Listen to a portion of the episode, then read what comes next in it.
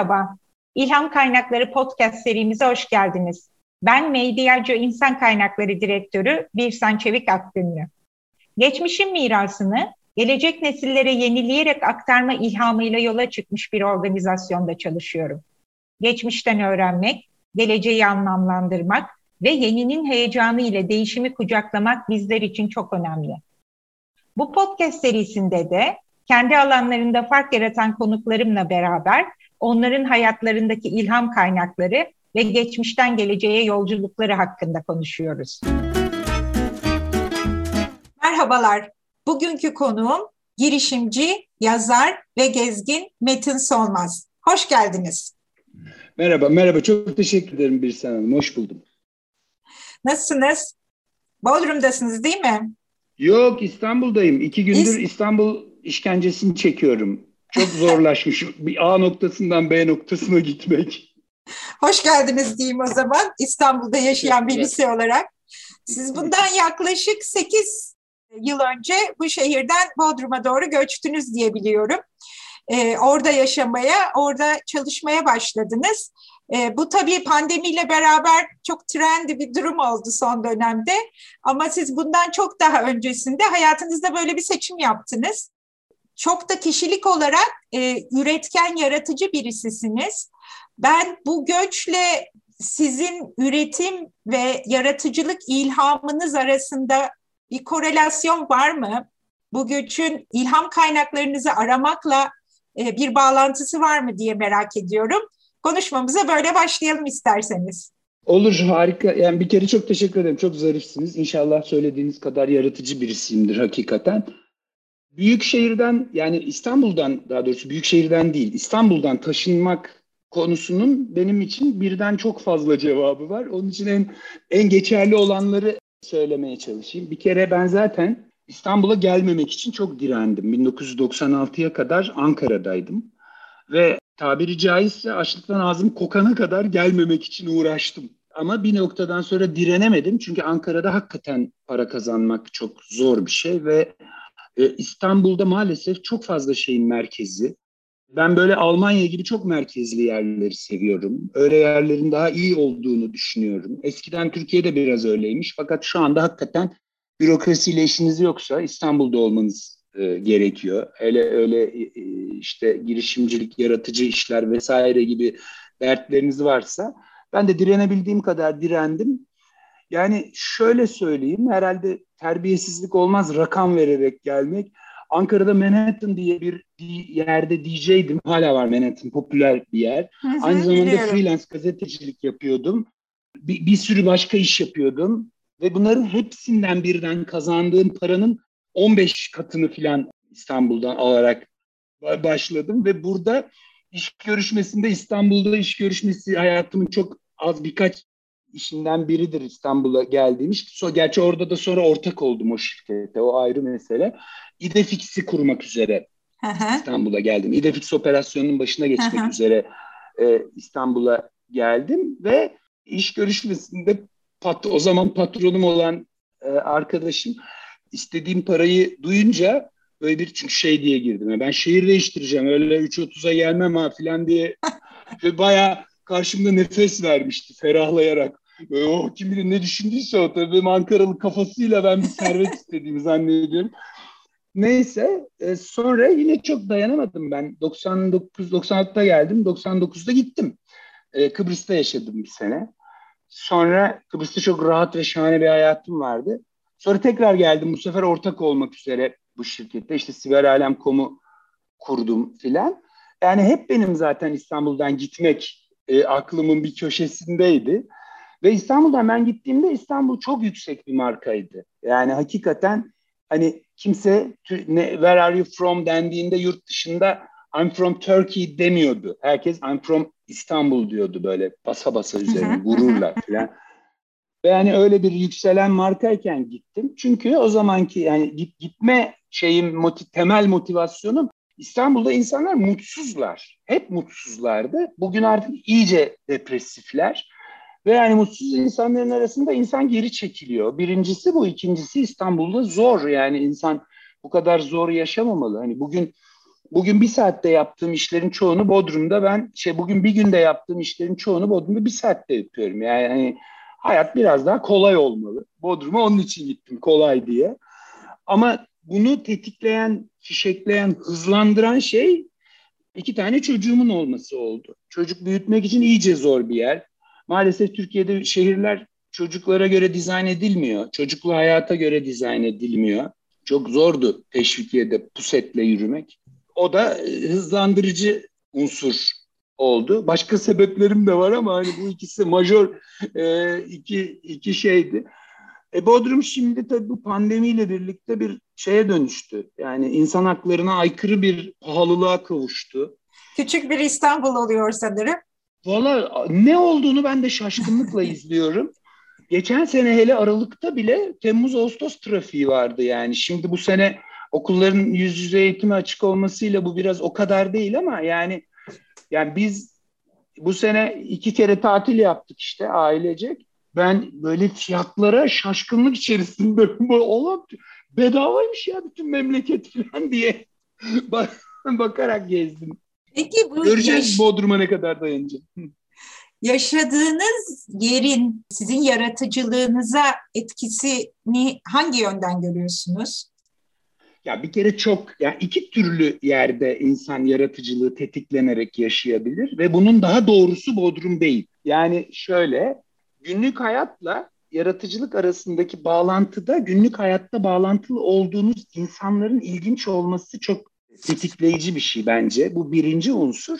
İkinci unsur yaşadığınız yerde bir challenge olması da tetikleyici bir şey. Şimdi Bodrum bunlara çok uygun bir yer değil. Mesela Fethiye daha uygun bir yer bunlara. Hı hı. Neden Bodrum uygun değil? Çünkü Bodrum çok medeni bir yer. Hayat çok kolay Bodrum'da. İşte her şey bu kadar medeni ve kolay olduğunda aslında ya Bukowski çıkmış yazacağım diye dağ başında sonra dönmüş şey demiş. Ya her yer o kadar yeşil ki aklıma yazacak bir şey gelmiyor demiş. Yani şimdi mesela ben Fethiye'de de bir müddet yaşadım. Fethiye'de şöyle insanlar tanıyordum. Mesela keçisiyle salonda yaşayan birisi vardı. Yani karısı ölmüş, adam keçisini evin içine almış. Sevdiği dizi vardı keçinin. Yani cebinde keçi için şeylerle geziyordu. Sevdiği kuru yemişlerle. Ve hakikaten o keçinin boynuzuna bağlı böyle tasma gibi bir ip vardı. O ip yerde sürünüyordu ama. Çünkü keçi adamla yürüyordu. Adam karşıdan karşıya geçerken tutmak için o keçiyi. Yani bir şey olmasın hayvana diye. Yani aralarında böyle bir yani böyle bir insan yaşıyor şeyde Fethiye'de. Ne bileyim ya böyle çok insan yaşıyor. Böyle orman bekçileri tanıyordum. Çok acayip bir sürü insan tanıyordum. Bodrum'da böyle insanlar yaşamıyor.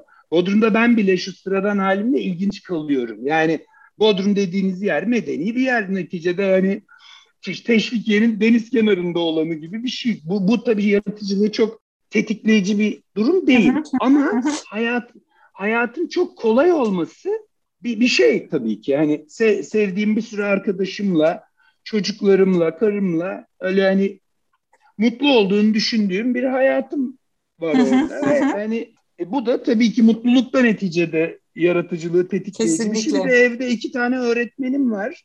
Biri şimdi 8 yaşında, öbürü 11 yaşında. Bunlar da benim oğlanlar da tabii yani gözünüzün önünde bir böceğin bir insan haline gelmesi e, sizinle beraber bu çok öğretici bir süreç. Bu da çok yaratıcılığı ve tetikleyici de bir şey ister istemez. Böyle yani kabaca sanırım cevap verebilirim. Çok güzel. Ee, benim de 8 yaşında bir kızım var. Son dönemlerdeki en büyük ilham kaynağımın olduğunu düşünüyorum. O yüzden sizi çok iyi anlıyorum. Aslında size bir sonraki sorum şu olacaktı. Nelerden ilham alıyorsunuz? İnsanlardan aldığınızı duydum. Mutlu olmanın ilhamınızı tetiklediğini duydum. Çocukları duydum. Bunlara eklemek istediğiniz başka şeyler olur mu? Birkaç türlü insanlar etkiliyor her türlü yaratıcılığı bence. Biri arkadaşlar hani arkadaşlık ilişkisi yıllarla bina edilen ilişkiler hani bunun ben çok sağına soluna danışan bir insanım. Çok fazla gün içinde şey vardır. Hani her konuyu danıştığım biriyle yani böyle kafamda bir 50 kişilik 60 kişilik bir danışma kurulum var ya onlardan aldığım her türlü e, şey benim ilhamımı arttırıyor. E, kitaplar keza yani mesela dünden beri aklımda şey dönüp duruyor. Niye ben bunu düşünmedim diye. Daha önce gördüğüm ama çok dikkatimi çekmemiş. Antropologlar genellikle şey diyor, çok önemsememişim bunu. Biz konuşmuyoruz. Yani ins- insanlar kendileri konuşmazlar. Toplum konuşur, toplumun dilinden konuşur.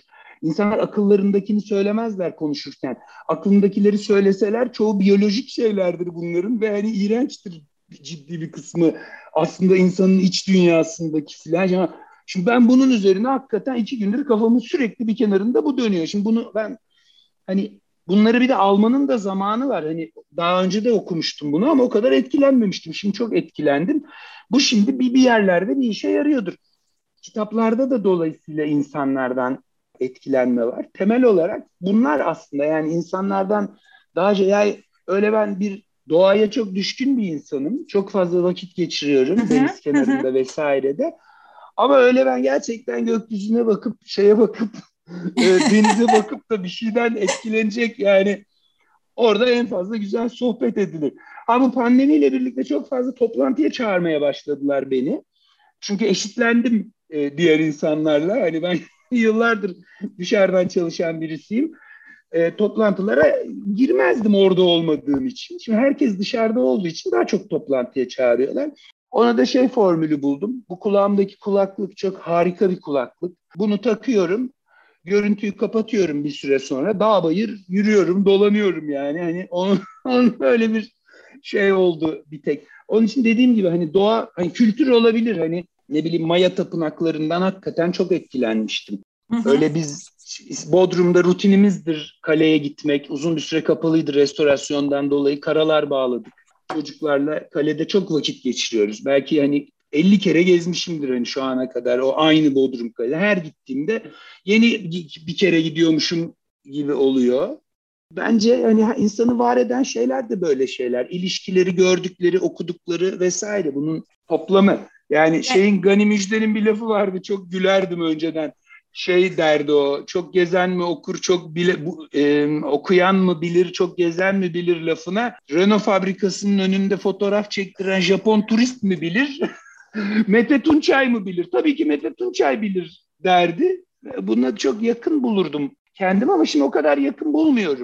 Bu Japon turistle Mete Tunçay'ın karışımı bir şey. Yani turist deyince tabii turist gezen insan sayılmadığı için şimdi o konuya da girmek istemiyorum da. Hani gezmek, tanışmak, karışmak, muhabbet etmek, okumak ves vesaire hani iyi bir çevre sahibi olmak, iyi birisi olmaya çalışmak bunların hepsi bir arada insanı inşa ediyor ve birisi bilirse de bunları bir arada biliyor oluyor. Hazzı da eksik etmemesi gerekiyor. Yani ben hiç hazzı da hayatımdan eksik tutmamaya çalışıyorum. Hani nefsime hürmet etmeye çalışıyorum. Yani insan kendi nefsini de ihmal etmemeli diye düşünüyorum bu hayatta. Evet, aramak kavramını da bütün bu söylediklerinizin altında bayağı duydum yani işte arkadaşlarınıza danışmak, kitaplarda ve zamandan bahsettiniz yani hani zamanı oluyor. Hem arayışta olma hem de doğru zamanının gelmesi de çok etkiliyor sanırım. Şimdi ben biraz geri gitmek istiyorum. Siz daha girişimcilik kavramı Türkiye'de böyle bir ruh bulmadan önce ve teknoloji internet üzerinden alışveriş hayatımıza e, çok da uzakken bu konularda girişimlerde bulunup önemli de başarılara imza atmış birisisiniz. Nasıl girdiniz? Nasıl oldu bunlar? E, nereden aklınıza geldi? Bize biraz onun hikayesini anlatabilir misiniz? Ya şimdi burada e, bu, bunun için çok herkesin çok değişik motivasyonları oluyor burada. Ben tabii sadece kendiminkini anlatabilirim ama ben mesela birinci e, borçlu olduğum şeyi şöyle görüyorum. Ben erkeksiz bir evde büyüdüm. Ben çok işte 4 yaşındayken e, babam gitmiş. Zaten 2-4 arasında çok yokmuş da ortada. Annem tek başına büyüttü beni. Bu bana o kadar çok şey öğretti ki hani birincisi erkeksiz bir yerde Türkiye gibi bir toplumda büyümek müthiş bir konfor. Yani evde sözü geçen net bir kadının olması ama bir e, erkek iktidarının bulunmaması bana çok şey katmış. Hani bunu yaşım ilerledikten sonra fark ettim. Bir de annem benim çok özel bir kadın. Yani bütün o böyle ne bileyim arabeske bağlamak için demiyorum gururla söylüyorum. Hani 5-6 yaşındayken beni alıp öğretmenin birine verip derse girip öğretmen annem dersten çıkıp alıp devam ederek filan büyümüşüm ben yani. Hani bu bir kere zaten çok atipik bir büyüme şekli. Ee, an- anaokuluna o kadar çok gitmiş ki annemlerin okulunda olduğu için evet. her şeyi öğrenmişim. Ben zaten anaokulunda öğretmen gibiymişim. Yani anaokulundayken. Sonra hatta beni ya bu çocuk burada darlanıyor artık. Şu ilkokula verin de oyalansın diye 5 yaş 5 aylıkken ilkokula gitmişim. İlkokul 1'e şey olarak misafir olarak. Ama her şeyi öğrenince beni o zaman tabii daha kolay oluyor bu işler.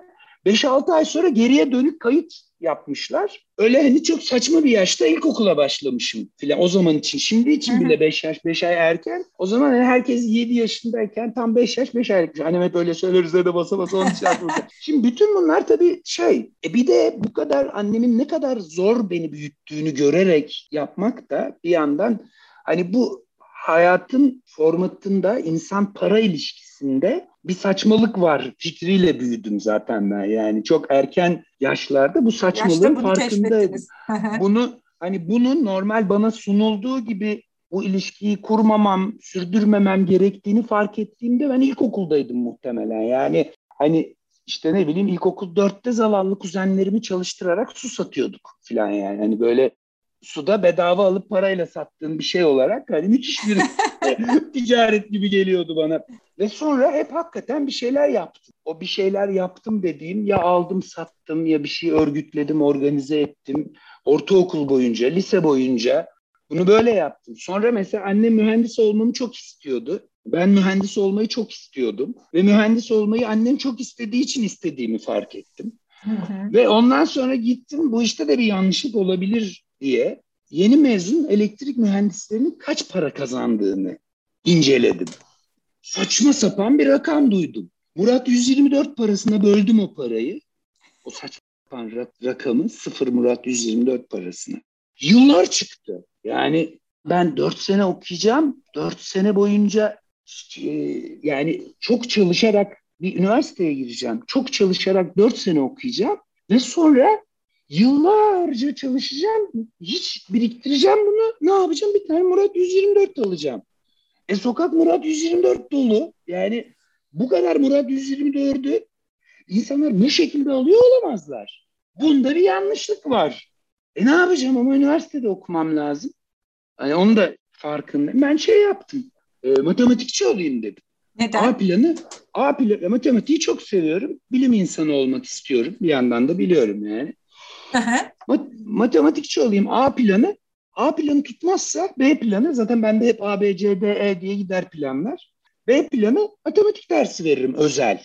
Onu da çünkü biliyorum pahalı bir şey. E şimdi çenemin kuvvetli olduğunu biliyorum. Matematiğe meraklı olduğunu ben bundan iyi para kazanırım. Yani böyle girdim.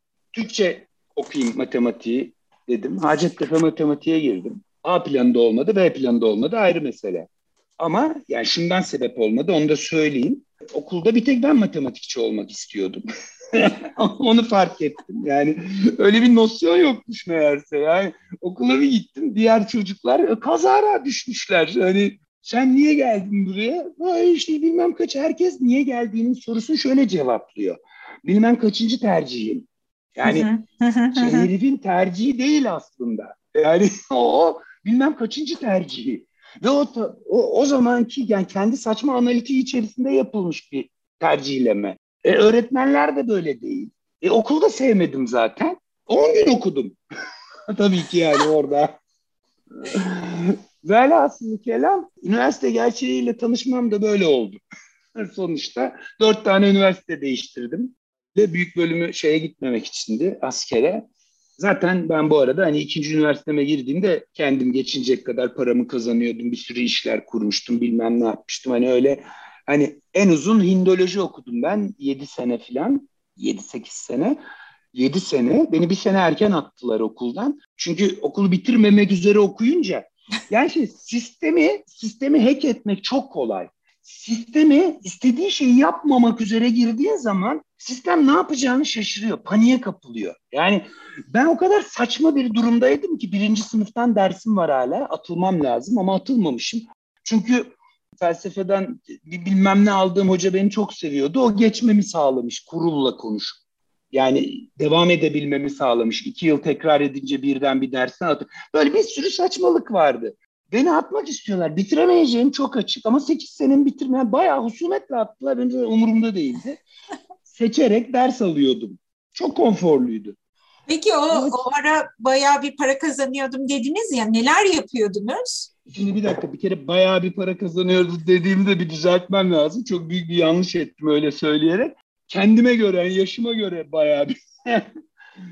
Valla neler yapıyordum? Çok değişik şeyler. Bir kere hayatımın o yıllardaki en istikrarlı işi garsonluktu. Hı hı. Çünkü arkadaşlarımla takıldığım, çok sevdiğim bir mekanda istediğim saatte gidip gelebiliyordum. İşletiyor gibiydim biraz şimdi garsonluk gibi de demeyeyim. Orayı rock bar haline getirmiştim. Bir pizzacıydı. Pizza Tek Ankara'nın efsane mekanlarından birisi olmuştu. En istikrarlı işim oydu. Ama onun dışında ne bileyim 17 yaşındayken seramik atölyesi açmıştım bir tane mesela. Dörttü sonra altı oldu. Altı tane işim vardı.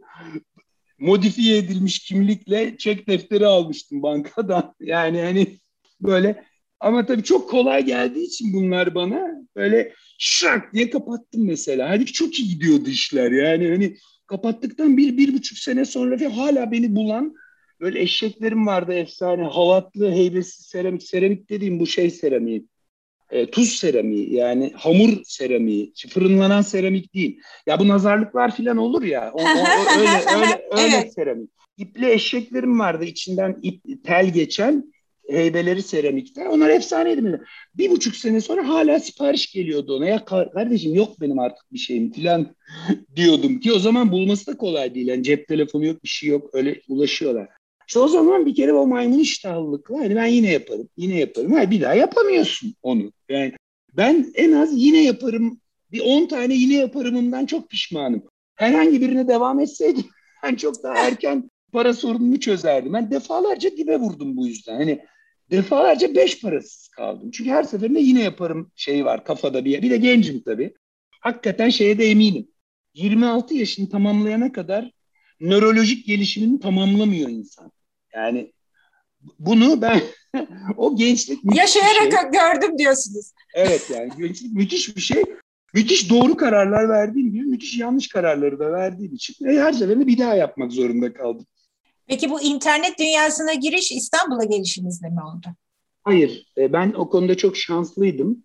E, sene 91 miydi? Öyle bir şeydi. ODTÜ'de akademisyen bir arkadaşım vardı. Avustralya'ya gitti. E, orada bir üniversiteye. Onun bilgisayarını satın aldım ben. O da şöyle yaptı. İşte Metin dedi bu bilgisayarı sen satın al dedi. Bu iyi bir bilgisayar dedi. Çünkü içinde internet bağlantısı var dedi. Çok büyük olasılıkla kapatmazlar dedi. ben de 386 DX43 unutmuyorum yani şimdi hani cep telefonumun herhalde yüzde biri kadar filan bir işlemciye sahiptir. ben onunla telefon hattı üzerinden ODTÜ üzerinden internete bağlanıyordum. Web yoktu. Gopher vardı. Chat yapılıyordu. Şeyle refresh'le yani hani bir şey yazıyorsun. sayfa refresh oluyor. Tekrar görüyorsun filan. Ve ben bunu tabii kimseye anlatamıyordum. Yani anlamıyorlardı. Yani dün ben bir sohbet ettim. İşte İsrail'den bir adam vardı, bilmem nereden bir kadın vardı, şöyle bir konu konuştuk filan. Böyle bilim kurgu gibi dinliyorlardı insanlar yani. Ha bir de hani öyle tamam ya filan diye geçiyorlardı. Öyle tanıştım internetle. E, büyük bir hayranlık besledim tabii. Ama o kadar. Sonra koptu. Bir, bir, bir, bir sene sonra filan ODTÜ uyandı. Hat kapandı. Hat kapandı. Sonra internet geldi. İşte daha herkese doğru. 96 ortalarında filan işte İstanbul'dan bir telefon aldım. Orada da şöyle olmuş. O da girişim de çok komik oraya. Bu şirketi planlayan insan Mehmet birisini tarif etmiş bu projenin başına geçireyim diye. Yakın arkadaşı Serdar Ateşer müzisyen belki bilirsiniz de çok iyi de bir müzisyendir. Serdar'a sormuş böyle birisi var mı diye. Serdar demiş ki sen demiş Metin Solmaz'ı tarif ediyorsun ama Ankara'da. Üstelik Ankara milliyetçisidir. Hayatta gelmez. Keşke gelse. Ondan sonra Işık abla var. Benim yayıncım. Aynı zamanda pan yayıncılığın sahibi. Hakikaten ablam gibidir. Işık ablayı aramış. Onun yakın arkadaşı yine. Ona anlatmış böyle böyle bir tanıdığın var mı diye. Işık abla da Serdar'dan habersiz olarak ya sen Metin Solmaz'ı anlatıyorsun ama gelmez. Yani o Ankaralıdır, Ankara milliyetçisidir. Şimdi Mehmet de tabii ulan kim bu Metin Solmaz? Hani iki tane sevdiğim, güvendiğim insan tarifle aynı adı veriyor falan diye böyle bir şey oluşmuş, bir gizem oluşmuş. İşte o sırada da ben Ankara'da burama gelmiş, parasızlık vesaire. İstanbul'a git geleyim artık dedim. Bir yerden reklam yazarlığı teklifi aldım. İstanbul'dan da habire teklif alıyorum. O zaman da hani müzik yazarı olarak ismim bayağı biliniyor. Habire televizyona çıkıyorum filan. İstanbul'dakiler benim ilginçlik olsun diye garsonluk yaptığımı zannediyorlar. Halbuki yani gazetecilikten daha çok kazandığım için yaptığımı anlatamam. DJ'lik pardon yapıyordum o zaman. Neyse ben Işık abla aradı. Dedim böyle böyle bir teklif geldi. Kabul edeceğim galiba filan diye. Sen sus sus dedi sus dedi sakın bir şey kabul etme dedi. Kapatıyorum dedi birazdan biri arayacak seni dedi.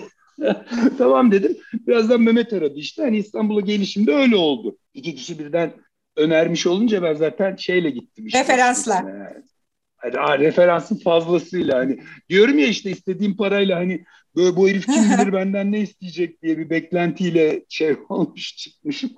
Sonrasında işte İstanbul yılları. Peki nasıl birisini tarif etmiş çok merak ettim.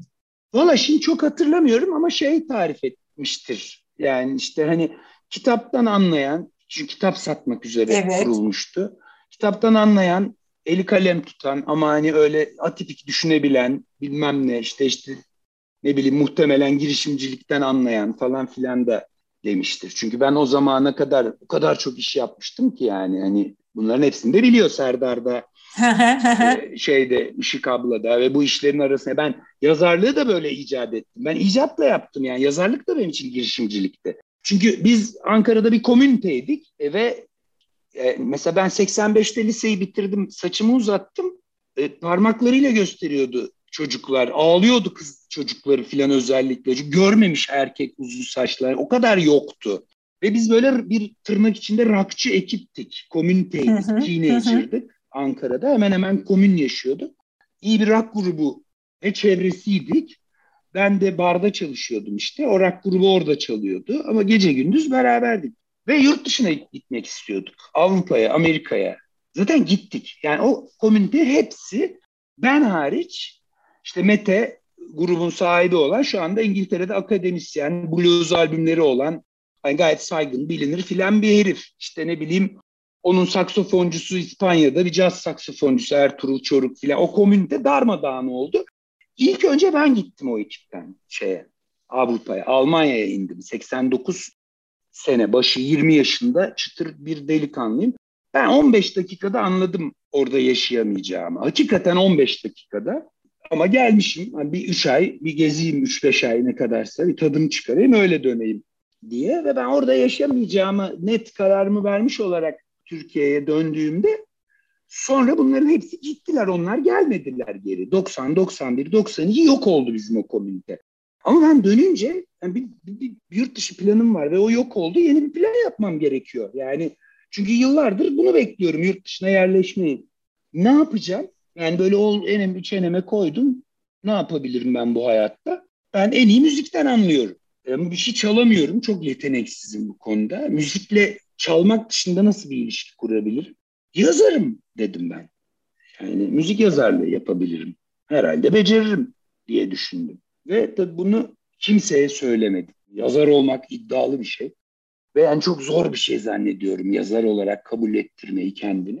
Ya çok uzatırsam girin araya. Ben bunları hani öyle ister istemez aklıma geldikçe anlatıyorum. O kadar zor çıkacağım ki insan içine. Ben bir kitabı yazayım, bitireyim. Hı hı. Kitap mükemmel olsun. Tabii ki hiçbir yayıncı bunu yayınlamayacak. Kendim yayınlayayım. Bu iyiliği sayesinde bu bulur kendi şeyini dedim. Ve iddialı bir kitap böyle rock tarihi yazacağım filan diye. Sevgilime söyledim. O zaman doğru düzgün İngilizce de bilmiyorum. 4-5 tane de arkadaşımdan bir ekip kurdum kendime. Kitap mitap da yok o zaman. internet filan da yok. Amerikan kültür, İngiliz kültür. Oralardan topladım. Bunlara çevirttiriyorum. Kimi yazarak çeviriyor, kimi şeye konuşarak.